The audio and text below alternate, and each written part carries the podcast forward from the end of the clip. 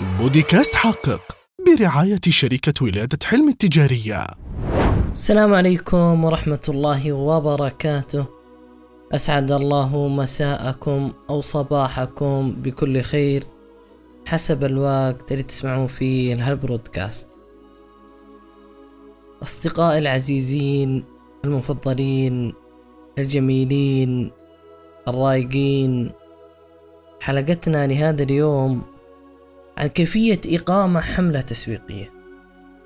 اليوم إحنا بحاجة في عملنا في القطاع غير الربحي لإقامة حملات تسويقية. لهذه الحملات أسس وضوابط لابد أن نعمل عليها. بداية لابد أن نعرف أكثر عن المجال اللي تعمل فيها المنشأة أو الجمعية فمحتاج ان نكتب تفصيل عن مستوى المجال عشان نبدأ نحدد إيش النقاط اللي ممكن نقدر نشتغل عليها ونركز عليها بشكل إيجابي. بعد كذا لابد نعرف إيش هي أبرز أهم أشياء ما أحد ينتبه لها في مجال القطاع الخيري. ونبدأ نحدد إيش التفاصيل هذه. بعدها نبدأ نشتغل على مستوى احصائيات عشان نقدر نعرف إحنا فين نقدر نتوجه في مجال عملنا ويكون عندنا قيمة في تحديد المخرج النهائي. فنحتاج نتعرف على عدد الجمعيات الأهلية وعدد تصنيف هالجمعيات وعدد الجهات المانحة وعدد لجان التنمية الاجتماعية. بعد ما عرفنا عن مستوى هالإحصائيات الأربعة ممتاز. نبي ندخل على مستوى إيش الأرقام المهمة لإقناع الداعمين؟ اليوم أنت بحاجة إلى مخاطبة آه، جهات مانحة أو داعمين آه، من تجار أو من عموم الناس. فهؤلاء الناس لهم الحق بأن تعرفهم عن عدد مشاريعك المنجزة. ما هي المشاريع التي أنجزتها سابقا؟ كم عدد المستفيدين الذين خدمتهم الجمعية؟ كم عدد شركاء النجاح الذين يتعاملون مع الجمعية؟ هذه الأرقام مهمة لإقناع هؤلاء الداعمين ولكسب ولائهم ولتحويل الداعم المحتمل إلى داعم فعلي يدعم الجمعية بموارد مالية. بعد كذا لابد أن نتعرف على الخطوات. عندنا خمس خطوات نحتاج يعني نعرفها عشان إحنا نصير محترفين في هذا المجال. اولا طريقة إعداد المبادرة من اختيار الاسم التسويقي إلى تصميم المبادرة. ثانيا نحتاج نتعرف على كيفية ترويج عبر برامج التواصل الاجتماعي. ثالثا نحتاج معرفة كيفية إعداد العرض التقديمي أثناء زيارتنا للتجار أو للمانحين أو الاجتماعات معهم لعرض فكرة المشروع. رابعا نحتاج معرفة التسويق عن طريق ال search engine optimization. اللي هو محركات البحث.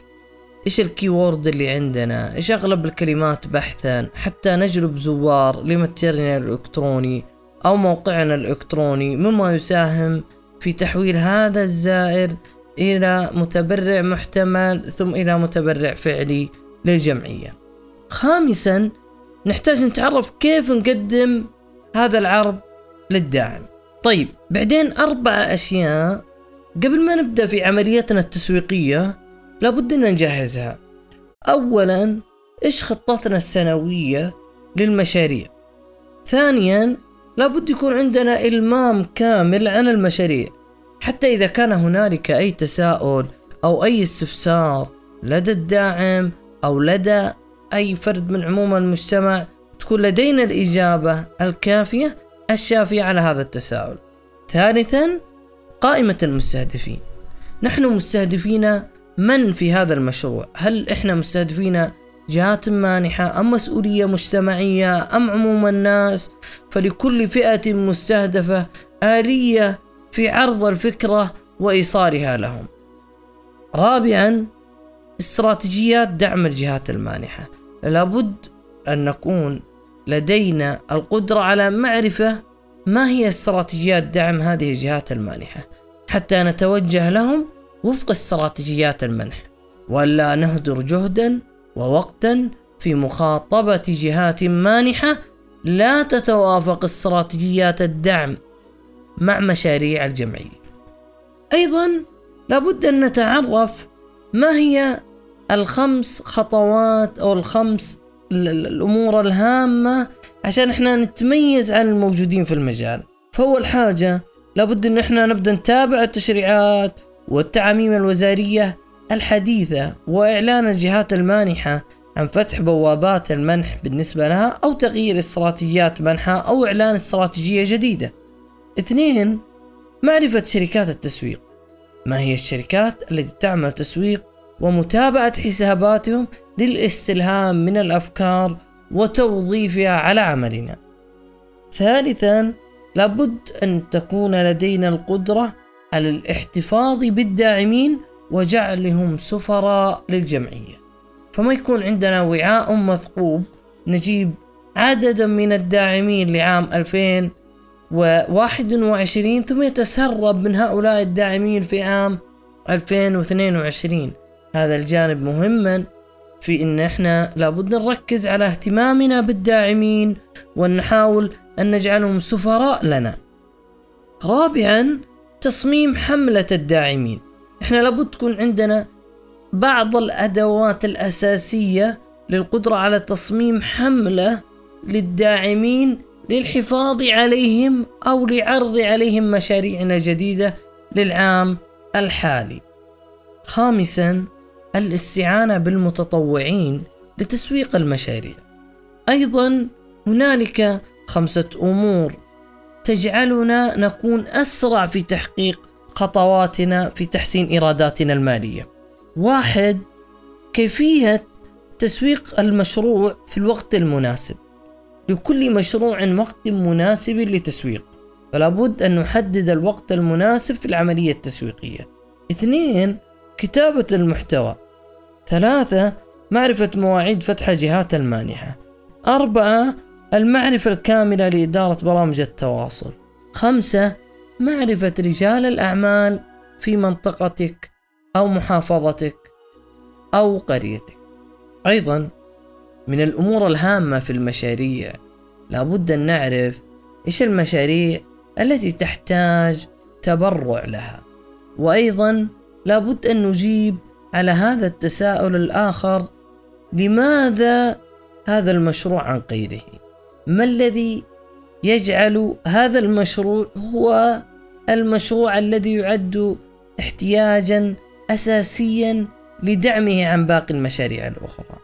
أيضا بعد تصنيف هذه التساؤلات لابد أن نعرف عن آراء الداعمين عن المشروع، آراء جهات في نفس المجال عن هذا المشروع، آراء الخبراء في هذا المجال عن نفس المشروع، وآراء المستفيدين عن هذا المشروع. أيضا هنالك أمور لابد أن نركز عليها لابد أن نحدد قصة نستشهد فيها من نفس المستفيدين المستهدفين في هذا المشروع وأيضا لابد أن نطلع على مراجع مثل كتب مهتمة في هذا المجال لزيادة الفكر عندنا وزيادة مستوى إيماننا بهذه القضية حتى أثناء عرضها للداعم أو المانح تكون لدينا القدرة في إقناعهم في هذا المشروع. أيضا لابد أن نحدد خمسة من داعميننا المحتملين اللي ممكن يدعموننا في مثل هذا المشروع. في عملية التسويق أو إظهار المحتوى آه، عبر حسابات التواصل الاجتماعي أو عن طريق الزيارات الميدانية أو المراسلات بالإيميل الإلكتروني. هنالك أشكال لهذا المحتوى.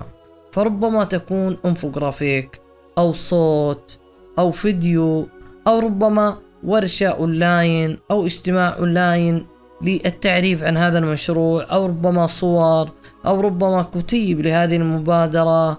فهذه أشكال المحتوى اللي ممكن نعمل عليها في في تسويق مشاريعنا للفئة المستهدفة. أيضا أثناء عملنا لابد أن نعمل وفق استراتيجية واضحة. فنحدد ما هي التغريدات اللي راح نعمل عليها خلال الشهر حتى تكون لدينا كمنظمة صورة نمطية في الظهور فلا بد أن نحصر عدد أيام الشهر مثلا من يوم واحد إلى يوم ثلاثين ونبدأ نحدد والله مثلا على سبيل المثال إنه إحنا في اليوم الأول راح ننزل إنفوجرافيك ونبدأ نعرف على جمعية. في اليوم الثاني بنبدا نتكلم عن فضل الصدقة. في اليوم الثالث راح نتكلم عن قصة إلهامية لشخص بدأ في هذا المجال وحقق نجاحات إيجابية. أربعة آه راح نبين ليش إحنا بحاجة لدعم هذا المشروع. آه اليوم الخامس راح نتكلم عن ثلاثة أهداف تحققها المنظمة أو الجمعية. في اليوم السادس راح نبدأ نسأل الجمهور إيش أكثر شيء عامل لك آه يعني هاجس كبير في عدم دعمك للجهات غير ربحية؟ حتى نعرف ردود فعل عموم الناس أثناء تسويقنا للمشاريع لهم. أيضا في اليوم السابع ربما تعرض توقيع اتفاقية آه اتفاقية شراكة مع داعم آه في اليوم الثامن ربما تشتغل على بيان الإجراءات اللي تتم في الجمعية لحين وصولك للمستفيد النهائي. في اليوم التاسع ربما نتحدث عن مقولة إلهامية. آه، في اليوم العاشر آه، يعني ربما يكون في تغريدة عن صورة حية آه، داخل العمل في المنظمة. في اليوم الحادي عشر راح نتكلم عن أمور يعني تخص المستفيدين من يعني تذليل العقبات التي واجهتهم أو بعض الأحلام التي حققتها لهم. في اليوم الثاني عشر نتكلم عن جانب اللي هو آه، يعني الإحساس بالسعادة أثناء العطاء والبذل وتذكرون قصصا من ذلك أو فيديو يتكلم عن أثر آه، هذا. في اليوم الثالث عشر نبدأ نبين بيان احترافية عمل الجهة أو الجمعية. آه، مدى احترافيتها في في تعاملها مع الداعمين في تعاملها مع المستفيدين في اجتماعاتها في توزيع مهامها. تبين آه، انعكاس إيجابي آه، لعموم المجتمع أثناء متابعتها لحساباتها على برامج التواصل الاجتماعي. في اليوم الرابع عشر نبدأ نبين آه، أثر على مستفيد تغير في حياته بسبب خدمة جمعية. في اليوم الخامس عشر بنبدأ يعني ننزل حالات بحاجة إلى الدعم من عموم الناس.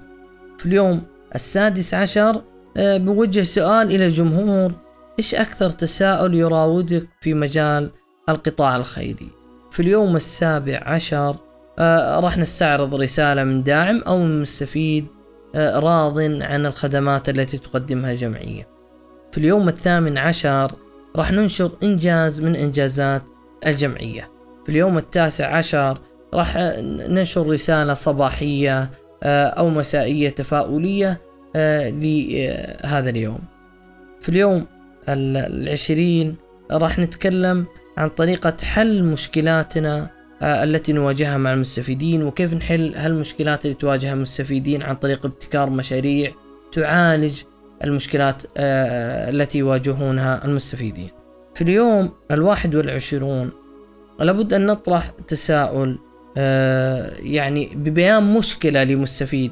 فلو كنت آه، مكان هذا المستفيد فماذا هتعمل تجاه هذه المشكلة؟